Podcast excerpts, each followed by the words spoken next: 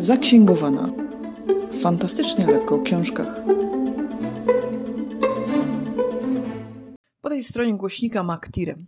Dzisiaj będzie małe zaskoczenie, bo nie opowiem Wam o książce z mojego ulubionego działu Fantastyka wszelkiej maści i barwy, za to wybierzemy się do Japonii wraz z pilotem Blacktornem, czyli głównym bohaterem powieści Shogun. Podejrzewam, że część z Was słuchających może kojarzyć serial z Richardem Chamberlainem, który to właśnie grał główną rolę angielskiego pilota Blacktorna. Osobiście pamiętam jedynie mgliste przebłyski tego serialu, ponieważ byłam za smarkata, żeby go oglądać. Fabuła powieści Jamesa Clavella zaczyna się od lądowania holenderskiego statku Erasmus u brzegów Japonii po bardzo długiej podróży. Mamy XVI-XVII wiek i Europejczycy szukają drogi do Japonii. Walczą o hegemonię w rejonie azjatyckim. Głównymi przeciwnikami Holendrów oraz Anglików są Hiszpanie i Portugalczycy. Tyle jeśli chodzi o zarys akcji. Blackthorn wraz z pozostałymi przy życiu członkami załogi zostaje pojmany przez Japończyków. Z barbarzyńców na terenie kraju łaskawie są tolerowani jedynie jezuici e, i powiedzmy ich współpracownicy, którzy zapewniają Japonii handel z Chinami, więc załoga Erasmusa dostaje się do niewoli. Nie wchodząc e, za bardzo w szczegóły, żeby wam nie zepsuć lektury, Blackthorn w wyniku różnych splotów e, zdarzeń poznaje zwyczaje i kulturę japońską, chociaż początkowo robi to bardzo niechętnie i wynika z tego wiele różnych sytuacji, których źródłem jest nie tylko niezrozumienie języka, a przede wszystkim różnice kulturowe, a te okazują się spore.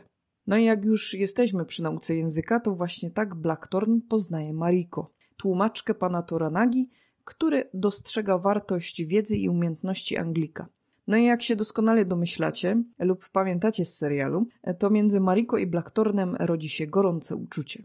Mariko to bezsprzecznie jedna z tych silnych postaci kobiecych, która zapada w pamięć. Jako samurajka kieruje się kodeksem i jest potulna swoim panom. Jednak to, jak rozgrywa sytuację i jaką siłą emanuje, jest wprost genialne.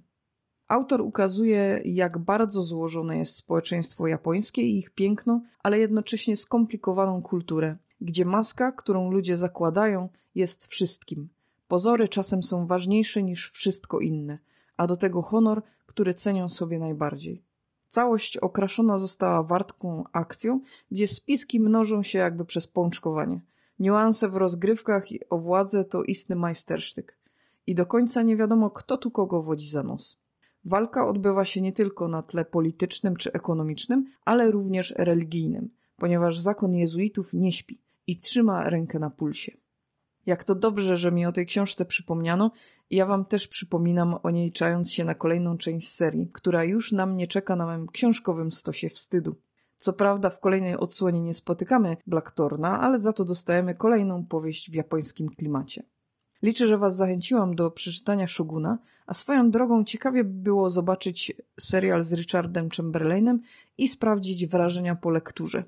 No nic, wracam do wyczytywania kolejnych znaków. Dzięki i do usłyszenia.